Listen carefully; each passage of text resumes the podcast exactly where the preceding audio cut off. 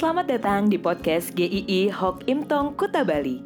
Penginjil Ray Reginaldi akan membagikan renungan harian singkat untuk membawa Anda mengenal dan menyembah Tuhan Yesus, bertumbuh dan menjadi murid Kristus, serta berdampak untuk banyak orang.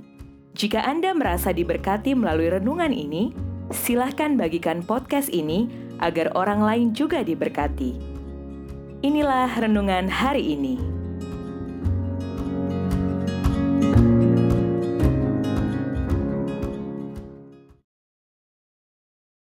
Penolong dalam senyap. Yohanes 14 ayat 16. Aku akan minta kepada Bapa dan ia akan memberikan kepadamu seorang penolong yang lain supaya menyertai kamu selama-lamanya yaitu roh kebenaran.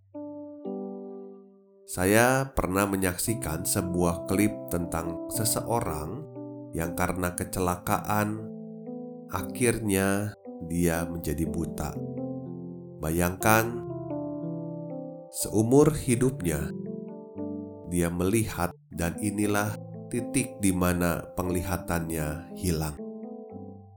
Di saat-saat pertama, ketika dia mulai mencoba menapaki kaki di trotoar dengan tongkat di tangannya, semuanya terasa begitu menakutkan. Langkah pertamanya seperti langkah terpenting di dalam kehidupannya.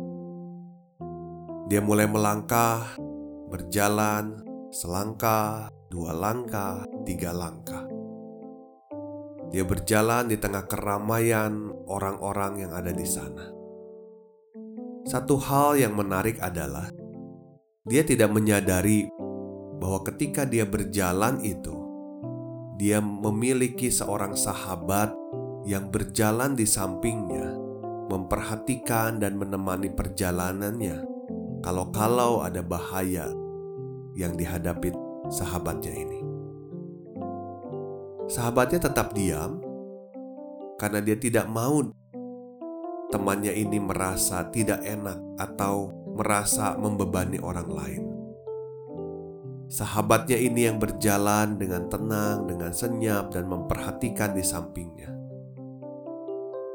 Dia menolongnya di dalam kesenyapan. Kita juga mungkin tidak menyadari dalam perjalanan hidup kita sebagai orang percaya, ada Roh Kudus, penolong dalam senyap yang tidak pernah meninggalkan kita. Bahkan di saat-saat hidup kita terasa kacau, sulit, bingung. Sebetulnya ada Allah Roh Kudus yang hadir, menolong dan menyertai. Tuhan Yesus mengatakan bahwa seorang penolong yang lain akan hadir. Bukan sebuah energi, tetapi pribadi, yaitu Roh Kudus itu sendiri. Penolong dalam bahasa aslinya adalah parakletos yang merupakan gabungan dua kata yang berarti seseorang yang dipanggil kepada sisi orang lain untuk mendukung. Timothy Keller menjelaskan berdiri di samping berarti bersimpati, berada dalam suatu relasi, menempatkan diri di posisi seseorang.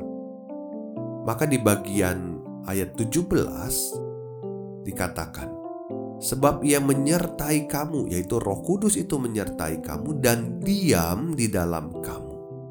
Roh Kudus itu tidak pernah pergi-pergi dari orang percaya. Roh Kudus itu hadir dan mendampingi, menyertai orang percaya selama-lamanya. Dia tidak akan memisahkan diri, dia tidak akan kabur-kaburan, karena dia adalah setia. Kemudian, kata penolong ini tidak berdiri sendiri, tetapi ada juga kata yang lain dikatakan. Penolong yang lain mungkin terdengar biasa. Tetapi kembali di dalam bahasa aslinya ini adalah berarti setara. Kualitasnya sama. Tuhan Yesus adalah penolong pertama kita. Dia yang sudah menyelamatkan, menebus kita. Dia yang sudah memastikan bahwa hukuman dosa kita sudah ditanggung, dia menebusnya, dan Roh Kudus adalah penolong kedua. Roh Kudus bukan saja yang menyertai dan mendampingi kita, orang percaya, tapi Dia adalah Allah yang sempurna, yang menyertai kita. Tuhan Yesus sudah menuntaskan karyanya, dan Tuhan Yesus tidak membiarkan kita berjalan sendirian di dalam dunia ini sebagai yatim piatu. Tuhan mengerti akan kelemahan dan ketidakmampuan kita untuk hidup berjuang seorang diri di dalam dunia yang telah jatuh ke dalam dosa ini. Maka harus ada Roh Kudus, penolong yang setia itu. Roh Kudus akan mengingatkan, bahkan menegur kita ketika sudah salah arah. Roh Kudus akan menghiburkan kita saat hati kita terluka dan tidak seorang pun mengerti kita. Roh Kudus akan memimpin kita saat kita juga mungkin sedang kebingungan dan kehilangan arah. Roh Kudus akan mengingatkan kita juga akan karya Kristus yang sempurna ketika iblis coba mendakwa kita. Roh Kudus juga akan menolong kita untuk kita bisa mengerti, memahami, mendengar apa yang difirmankan oleh Tuhan. Maka jika kita orang percaya, tenanglah, kita tidak pernah hidup dalam iman di dalam Tuhan Yesus sendirian.